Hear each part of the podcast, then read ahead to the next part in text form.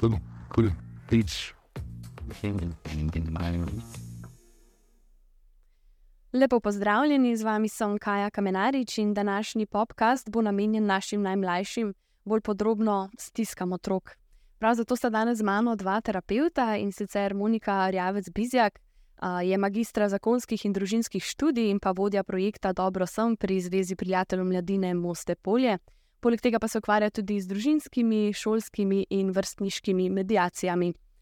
Naš drugi gost je Andrej Omulec, doktor zakonske in družinske terapije, ki prav tako pod okriljem Zveze prijateljev mladine Ljubljana Moste Polje prek verige dobrih ljudi dela z otroki in družinami v stiski. Pozdravljena in dobrodošla. Dobro. V začetku maja sta Srbijo pretresla dva strelska napada. Eden od storilcev je bil 13-letni deček, ki je ubil 10 ljudi, od tega 9 otrok.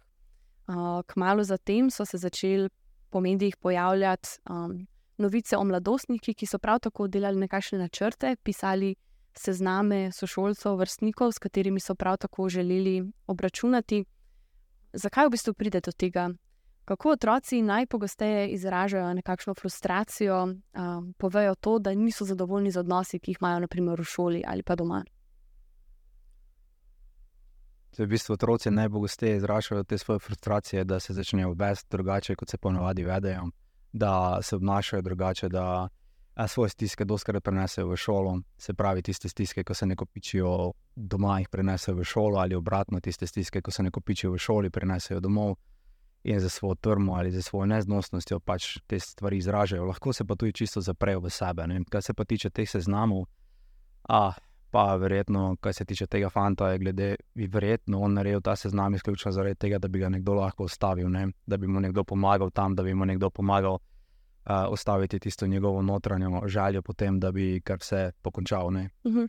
uh, nekje na spletu sem prebrala, da mogoče lahko uh, to, da napišemo seznam ali pa osebe, ki so nam naredile neko krivico, če to napišemo na papir, da to lahko deluje terapevtsko. Uh, to drži, da se to tudi v praksi mogoče uporablja, kaj še en tak pristop. Zagotovo je lahko to uh, ena od tehnik, ne, ki posamezniku lahko pomaga pri tem, da predela neke svoje frustracije.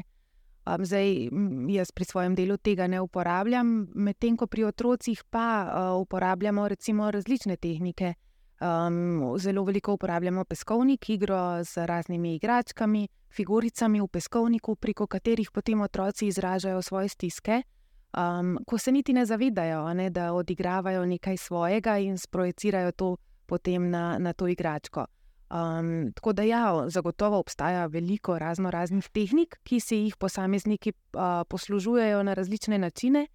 Meni se zdi vseeno zelo pomembno pri teh seznamih um, da vseeno se vključimo v nek proces, terapevtski proces, da vse te stvari predelamo, da jih zreguliramo, da ne ostane to samo nekje zapisano, potem ali se zažge, ali se da v zamrzovalnik, ne zamrznjeno, da se te stvari vsem predelajo. Se mi zdi to zelo pomembno. Da se o njih spregovori.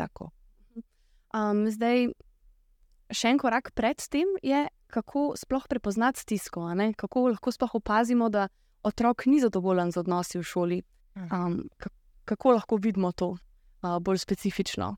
Uh -huh. ja, jaz sem mislil, že prej malo menjal to. Ne? Uh, nekako otrok pride drugačen iz šole, pride drugače se počuti, ni isti. Uh, v bistvu mama, ki pozna svojega otroka na nek način, točno ve, da se z njim nekaj dogaja, se zaveda tega, da je nekaj v šoli doživel. Ne? Včasih, kaj mama reče, že še šole ni prišel, pa točno vem, da se je nekaj zgodilo. Ne? Se pravi, ta intuicija, ki jo imajo mame, ne, se pravi, so zelo globoko nekje povezane s temi svojimi otroci, z pač to njihovo notranjo vsebino njihovega notranjega doživljanja. Ne, a, zelo dobro zaznajo in točno vejo, kaj se z njimi dogaja. Seveda, tukaj so tudi učetje, ki na en malo drugačen način razumejo te otroke. Definitivno sta oba skupaj tista, ki lahko temu otroku na najboljši možen način pomagata, ga umirita, zregulirata te njegove občutke in dejansko da ne živi več s tem, ne? da skupaj razrešijo to zadevo, ki je za njega lahko tudi kdaj, kakorkoli že preveč. Ne? Kaj pa potem naslednji korak, ali je smiselno, da starši o tem govorijo tudi z učiteljem? Ja, jaz, jaz verjamem, da je to pomembno, da starši govorijo z učiteljem, ker otrok je v, v šoli preživi veliko časa v dnevu In um, tam je zagotovo neka dinamika, znotraj katere se lahko te stiske še toliko bolj izražajo, oziroma se otrok lahko tudi osami. Um, skratka, če se ga opazuje, če smo pozorni na njega, lahko prepoznavamo te stvari. Um, bi pa tudi, če omenila ne, za starše, se mi zdi, tudi en take, neke take smernice, da, da se zavejo, da otrok preživlja nekaj, so tudi to, da začne opuščati vse tiste neke hobije, interesne dejavnosti, ki jih je prej imel rad, ki se jih je rad udeleževal, mu zdaj postanejo popolnoma brez veze. Zavrača svoje prijatelje, ne želi več družinskih izletov, obiskov, vse to mu je odveč. Um, in tukaj pa zagotovo je to nek tak alarm že, da se nekaj otroku dogaja, sploh če govorimo tudi o daljšem obdobju, nekje 2-3 mesece. To pa potem je že nek pokazatelj, ko moramo se ja, povezati, eh, seveda najprej z otrokom, um, ampak če smo ta stik izgubili in nas je otrok ne, um, nekako tudi ne zaupa več, da lahko spregovori z nami v teh stvarih, potem pač iščemo tudi zunanje vire pomoči. Um, in tukaj je zagotovo šola na prvem mestu. Um, šola je pomemben lahko vir pomoči, ne, kjer dobimo neke napotke, usmeritve. Tako da ja, vedno je prav, da se starši vključujemo in povezujemo s šolami. Ja, se mi zdi, da je. V bistvu je šola podaljšana roka staršev ne, in podaljšan izgojni element, katerega tudi starši kdaj ne vidijo. Ne. In je pomembno to sodelovanje, če pač en ali drug opazi in da pač ta dva človeka res sodelujeta v dobro otroka. Ja, ravno to sem želela zdaj izpostaviti, ne, da je šola, socialno okolje otroka v bistvu zelo, zelo pomembno, skoraj, skoraj ključno bi lahko rekli. A se vam zdi, da je odnosi in neke meje, ki so postavljene v razredu, se vam zdi, da to že na začetku prvega razreda učitelj nekako spostavi, a ima učitelj to avtoriteto, je to njegova naloga? Jaz bi mogoče rekel, da učitelj v prvem razredu, oziroma na začetku šolanja, že v vrtu, lahko otroku pomaga pri tem, da se otrok zaljubi v šolo, da se zaljubi v to krepenje po iskanju tega znanja. Ne, ko otrok po sedmem letu starosti že nekako želi, oziroma krepeni po tem, da, ne, se več ne samo ne igra, ampak dela tudi kaj resnega. Ne, in je tukaj res bistvena vloga in učitelja in a, starša, da otroka navdušite za šolo. Ne.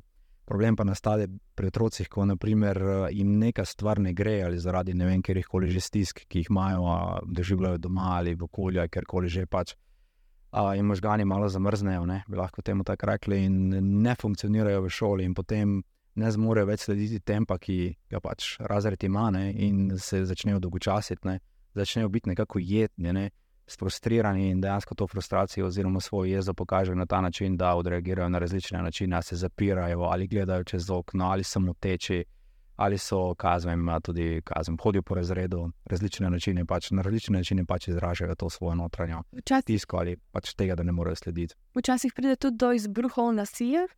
Um, kako je pravilna reakcija, kako reagirati, če opazimo, da se med otroki dogaja nasilje? Kaj lahko naredi učitelj, kaj mora narediti učitelj in kaj lahko naredi starš? Se mi zdi, da so tudi starši doskrat postavljeni v čevlje, ko vidijo, da njihov otrok ni v redu, in nimajo občutka, da se zadevo rešuje. Kaj lahko svetujejo otroku, kako lahko pomagajo? V prvi, prvi vrsti treba to ustaviti um, in se zavedati, da v teh nasilnih um, zgodbah, a ne sta vedno nekako v zadju dve plati. In je treba um, zagotoviti prostor tudi tem otrokom, da razrešijo, da povejo da, da jim damo to možnost, da povejo, kaj jih je ne, pripeljalo do tako močne frustracije, da je šlo tako daleč. Um, tukaj se mi zdi, da moramo odrasli vedno najprej malo sebe pomiriti, da ne impulzivno preveč odreagiramo in zelo hitro obsojamo in moraliziramo, ker to v bistvu otroke samo še bolj nekako eh, povleče vase. Um, tako da to se mi zdi res zelo pomembno. In tukaj šola ta prostor ima, da lahko otroke posede um, enega in drugega in da lahko skomunicirata, kaj jih je pripeljalo do tega. Um, tako se mi zdi, da če od, že od mehanga otroke učimo, da prevzemajo odgovornost malo za svoje občutke, um, jim s tem naredimo veliko dobrega, tudi kasneje za življenje, ker pač mi moramo naučiti se, a ne svoje občutke nekako odgovornost za svoje občutja držati za sebe. In, um, in to se mi zdi, da je pač šola lahko zelo dobro izhodišče, da otroke v tem učimo. Ne? ne pa da vedno mi potem presojamo, kdo je zdaj kriv, kaj se mora zdaj zgoditi, kakšna naj bi bila rešitev. Ne? Da jim spodbujati otroke, da znajo to skomunicirati in da znajo poiskati rešitve. Ne? Dejansko je ključna komunikacija. Se mi zdi, da je zelo napačno. Uh, predvsem v filmih, ameriških, recimo, pogosto vidimo, da se nek spravljajo na nekega otroka, potem pa mu starš uh, da na svet, postavi se zase, da ga ti prvi udari, zakaj, zakaj na robe s tem. Recimo. Je, v bistvu, v ameriških filmih vedno vidimo to, da je neko maščevanje tam, ne? ampak vedno je maščevanje na en nasilen način. Ne? Sej, sigurno, naprimer, če ti nekdo stori krivico, ne ostane v tebi ena napetost, ena zelo močna uh, negativna energija ali tudi krivda, jaz ne vem, pač ker občutki so tam. Ne? In je definitivno pomembno, da otroku pomagamo zregulirati te občutke. Ne? In uh, v tem primeru nasilja, ne? seveda, da jih učimo kot si fajn prej rekla, o tej ničelni toleranci ne? in da jih tudi učimo, kako ukrepati v tisti situaciji. Ne? Lahko poveš ti, da si jezen, lahko poveš, da te to pač jezi, da ni prav, kaj se je zgodilo, ne, ne moreš pa udariti. Ne? In pač v naravi otroka v osnovi pa je, da udari, ne? ker je pač, kazvem, že prišel s tem na svet nekako, ne? da se zaščiti, da pač. A, nekako zaščiti svoj neki prostor, ne, in a, ga je definitivno potrebno naučiti, da pa ni prav, da udari in da lahko najdemo neke druge, ne vem, kjer koli že razloge za to. Ne. Tukaj se zelo pogosto izpostavlja tudi razliko med uh, dečki in deklicami, ali pa različnimi otroki. Uh, in sicer naj bi dečki večkrat odreagirali tako, da se stepejo, pa so potem kar dokaj hitro v redu, je tako razrešil svoje težave. Medtem, kar naj bi dekleta na drugačen način obračunavale, doskrat naj bi prišlo, kar vidimo tudi na taborih ali v razredih, da posamezno dekle osamijo, A velja ta razlika, kako je, kako je s tem? Zdaj, eh, prav po spolih posploševati je, je krivično do, do, do vseh nas. Um, je pa zagotovo ja, nekaj na tem že v sami vzgoji.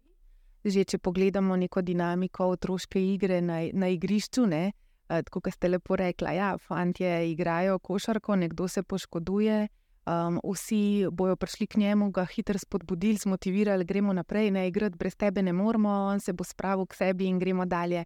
Pri dekletih pa lahko ne, uh, se igra zaustavijo, potolažijo, so tam skupaj z njo, mogoče še mal zdramatizirajo vse to skupaj.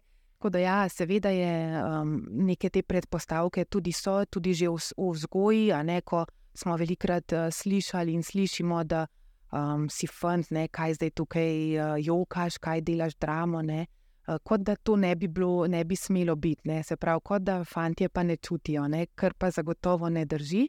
Um, in se mi zdi zelo pomembno, no, da, da o teh čutenjih in o tej regulaciji se pravi, čutimo res vsi, um, ampak kako izražamo ne, in na kakšen način tudi potem uh, te osnovna čutenja izrazimo in jih pomirimo, to pa so tiste razlike um, ki pa jih moramo pač ja, se učiti. Nekdo nas more, otroka mora nekdo naučiti, kako zdržati z žalostjo, kako zdržati z jezo, kako zdržati z nekim pretiranim veselje, veseljem. Ne?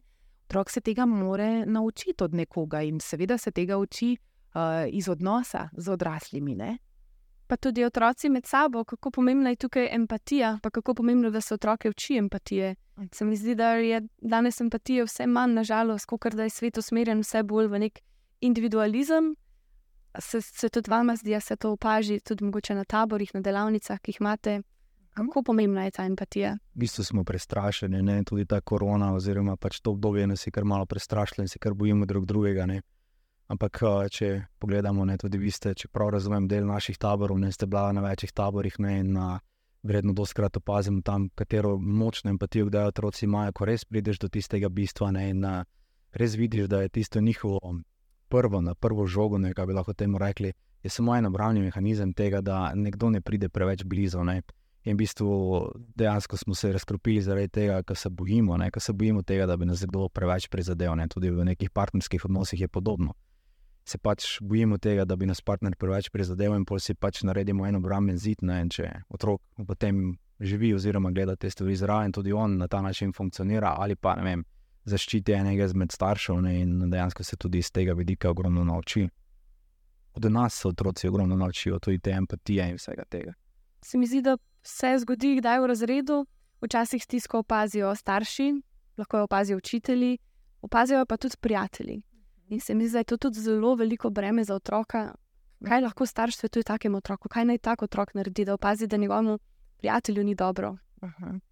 Tukaj se mi zdi zelo pomembno poudariti, da otroci eh, ne bi smeli nositi bremena odgovornosti, reševati stisko svojega prijatelja. Če govorimo tukaj o resnih stiskah, kot je recimo um, samo poškodovalne misli, samomorilne misli. Um, tukaj otrok mora ja, ga poslušati, biti ob njem, ampak mu povedati, da je to meni, to, kar si mi zdaj povedal, je tako pomembno, tako težko, tako boleče, da mi dva moramo poiskati neko pomoč za tebe, ker jaz tukaj ne morem nič, kot da samo te objamem, sem s tabo te poslušam.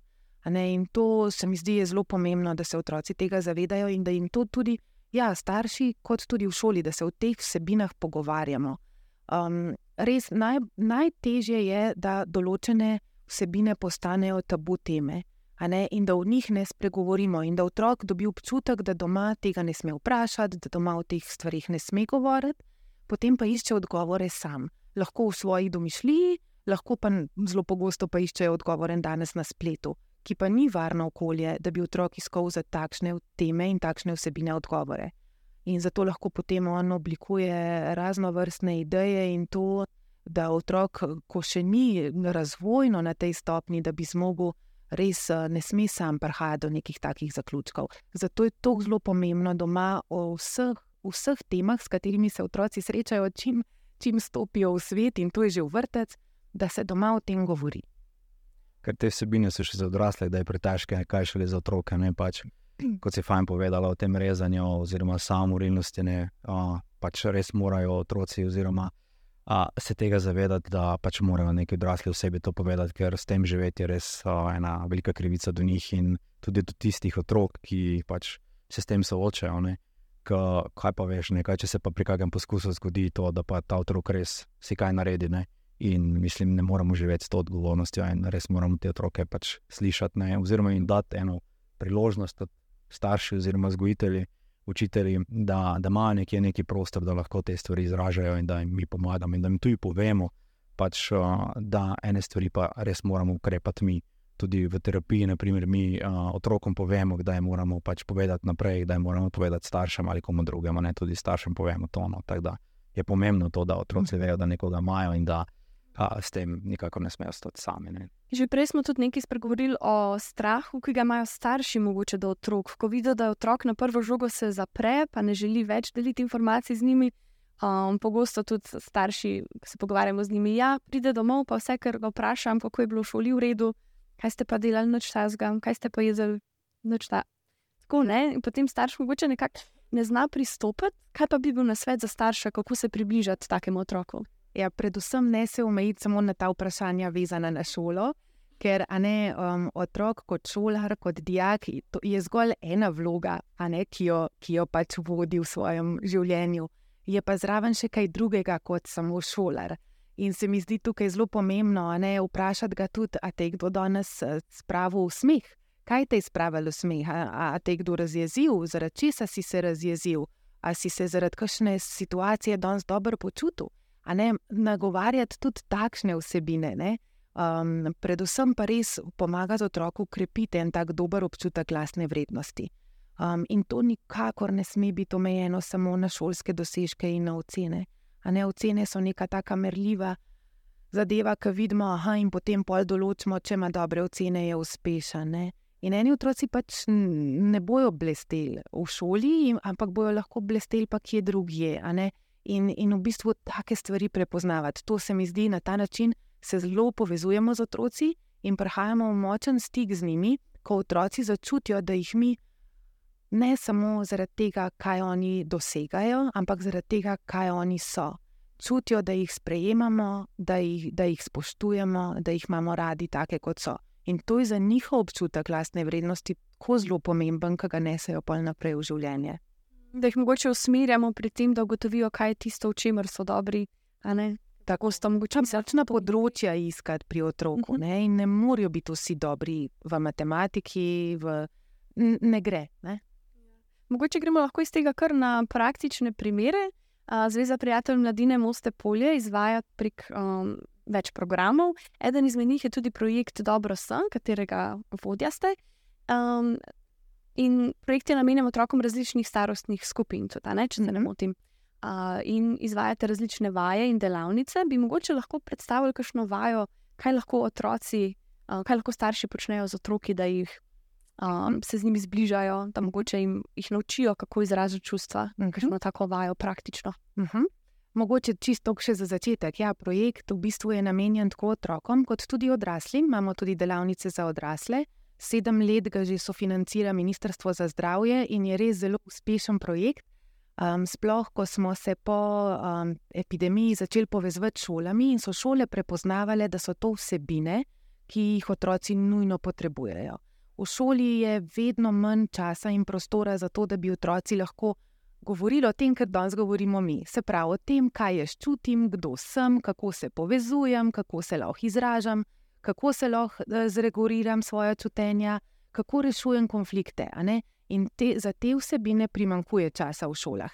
In ko smo jim ponudili te delavnice, so se res zelo dobro odzvale šole iz cele Slovenije. Um, in, in ravno zanimivo je to, kako nam poročajo, ko prebiramo evalvacije, da je ravno delavnice o izražanju čuten in o regulaciji čuten, to je največji hit med otroci. Ko jim povemo, da biti jezen je nekaj, kar je dobro, ker je dobro, da si dovolimo biti jezni? Um, ampak je pa velika razlika v tem, kako zdaj, kaj s to jezo zdaj naredim. Um, in uh, te delavnice pri otrocih uh, res um, vsi potem še poročajo, no, da, da želijo še, da želijo ponavljati, da želijo več teh vsebin. Um, tako da nam je ve, velika želja, da bi v šoli bilo res prav namenjen čas za to, ne, ne da morajo učitelji zdaj, ki se za to odločijo, iskati neke. Um, Prazne učilnice, pa neke urnike sproščene, da lahko to noter mal dajo. ne. Um, tako da, ja, za delavnice ste me vprašali. ne. Ja, se mi zdi, da včasih je v otroku kar nek uh, vihar uh, nekih čustev, ki jih ne znajo opisati, ne vejo, kaj točno čutijo. Ja, in to je zelo pomembno, da jim da otrokom sploh razložimo. Otroci se zelo dobro odzivajo, ko jim na delavnicah tudi razložimo, kaj se dogaja tudi v njihovem telesu, v njihovih možganjih, takrat, ko so v nekem afektu. Da oni razumejo, kaj se zdaj tu z njimi dogaja in da ni nič narobe, če se to dogaja. Ne? To se mi zdi tako pomembno sporočilo. In če otrok ve, potem bo tudi lažje, a ne prevzemal odgovornost za to, kaj se mu dogaja in kako bo to razrešil. Um, tako da ena taka zelo lušna delavnica, ki jo v skupini izvajamo, je, da damo en velik plakat in to lahko naredimo tudi doma. Um, in na plakat napišemo, kaj lahko naredim, ko sem jezen. Se pravi, kaj lahko naredim takrat, ko sem v hudem afektu, ko mi odnese pokrov, ko se razjezim, ko bi, ko bi res ne odreagiral ali z napadom, ali pa s tem, da zamrznem oziroma zbežim. ne. Um, kaj takrat lahko najprej naredim za sebe, da se pomirim, ker v afektu ne bom nič mogel razrešiti. Ne? Um, in pol oni otroci dajo, tukaj spet damo prostor otrokom, ne, met, ne smemo imeti mi za njih že izdelanih načrtov in strategij, naj sami raziskujejo, kaj lahko njih pomiri, kaj lahko njim pomaga. Ne? In tukaj pol dajo razno razne ideje. Od uh, dihanja, zelo dobra tehnika dihanja, recimo, ki se jo učimo, je, ko s pomočjo prstov, a ne, um, vdihnejo, zadržijo in izdihnejo. Ne? To je ena taka tehnika dihanja, in pol grejo po vseh petih prstih in predihavajo. S tem, da ne vdih, um, zadržiš in izdih, ki je vedno daljši od vdiha. In takih tehnik se učimo in to potem oni prakticirajo, ker to imajo vedno ob sebi. Ne? Um, nekomu pomaga glasba, ne? otroci, tudi odrasli si naredijo na svoje telefone neko playlisto pesmi, ki ustrezajo meni in bojo mene pomirile. Um, nekomu pomaga, da se vs, o, o, ob steno, a ne več telesne površine, kad daš v stik s trdo površino, mogoče ti lažje pomaga potem priti nazaj v stik s sabo in se pomiriti. Tako da take, take tehnike v bistvu predelujemo in se jih učimo, da jih potem oni prepoznajo, kaj je tisto, kar bi meni ustrezali in bi lahko v svojem življenju uporabljal. Ja, se mi zdi, mogoče tudi uh, na terapijah individualnih uh, za vsakega nekaj drugega deluje. A, ne? A to drži? Sigurno ni za vse isto, ne? za vsakega nekaj drugega deluje. In pomembno je, da so starši tam vključeni, da so starši tisti, ki prevzamejo to pač pobudo. Ne? Mi ne moramo biti na mestu staršev, ne mi lahko samo starši skupaj nekako pomagamo temu otroku. In starši so tisti, ki doma naprej živijo s tem otrokom, in živijo 24 ur s tem otrokom. Ne? In je bistveno tudi to, da imajo starši kontrolo in strukturo in dejansko pač neki nadzor nad temi otroci. Ne? Otrok želi imeti kontrolo in nadzor, ker je to njemu pomeni eno varnost. Ne? Pa tudi če je najstnik in se tam ne vem kaj ne opira, sigurno tudi on želi imeti eno kontrolo in nadzor. Nekdo od teh najstnikov si pa želi kakorkoli zabluziti življenje, noben ne. Vedno rabi, da starš ve, kje je, kam gre, koliko časa bo ne, in kako pride domov. Ne, pač vidimo, da je prišel domov s kakimi plivi, ko je en ali kakorkoli že, in da ga potem na primeren način tudi ustavimo v njegovih poskusih tega njegovega osamosvajanja. Hmm, bi pa tukaj samo še dodala, da ja, kot si rekel, vedeti, kam gre, s kom gre. Ampak danes se mi zdi pomembno tudi to, da rabimo starši vedeti, kako preživlja svoj prosti čas tudi na telefonu. Kaj gleda, kaj so vsebine, ki jih spremlja, katere nadaljevanke, katere serije um, katere neke influencerje v bistvu sledi, ne? se pravi, kdo vse vpliva na našega otroka. Ker žal veliko prostega časa preživijo na telefonih, ne? in zato se mi zdi to zelo, zelo pomembno vedeti, kaj tam gleda in posluša. In ja, ker se vpliva. Ker splet tudi nudi zelo ogromen bazen vsebin, ki tudi žal niso. Primerne, ne? Ja, zvlačijo jih tiste najprimernejše, ja. ki so najbolj pač nekako privlačne. Ne? In je definitivno pomembno. Ja, in potem, ne, ko rečejo mladostniki, ja, pa nimaš pravice, ne, to je moja zasebnost. Ne. Starš ima pravico, zato ker pač pravica do tega, da poskrbi, da je otrok varen, je nad pravico do otrokove zasebnosti. In to se mi zdi, da se moramo starši zavedati. Uh, in ko mi vemo, zakaj potem to gledamo, kaj otrok tam počne, ko mi, smo, ko mi vemo, zakaj se tega lotimo, ne, potem smo tudi mi veliko bolj s tem pomirjeni in nas bo veliko lažje tudi otrok resno jemal ko mi rečemo ne, ko vemo, zakaj rečemo ne, potem nas tudi otrok veliko lažje resno jemlje. Se pravi, bistvo tega, da se otrok ne bojimo. Ne? Ogromno krat se zgodi, da se starši začnejo otrok bati. In potem, ko se začnejo otrok bati, dejansko so tako v eni podrejeni poziciji. Ne? In je pomembno, vse to, kar se je v bistvu rekla, da je starš tisti, ki je nad nekimi določenimi pravicami otroka. Ja. Izključno za, za to, da ga zaščiti pred samim sabo mora dati občutku, ob, otroku občutek, da je on tisti, ki ve, ki zna, da se otrok, prav tako, kot smo rekli, ne, potem počuti varnega. Ne. Če starš vse dovoli, pa kaj tako, uh, se zgubi nekakšna ta meja, pa varno zavetje. Tako lahko rečem. Okay. Ja, jaz se vam najlepše zahvaljujem, da ste prišli v naš studio. Hvala za vse odgovore, hvala za en super pogovor. Hvala vam za povabilo. Um, upam, da je to dobra popotnica tudi za vas, da preizkusite kakšno od vaj, ki smo jih predlagali, predvsem pa, da se čez poletje čim bolj zbližate s svojo družino, z otroki. Um, in to je to. Najlepša hvala, da ste poslušali. Tudi, tudi, tudi, tudi, tudi, tudi, tudi, tudi, tudi, tudi, tudi, tudi, tudi, tudi,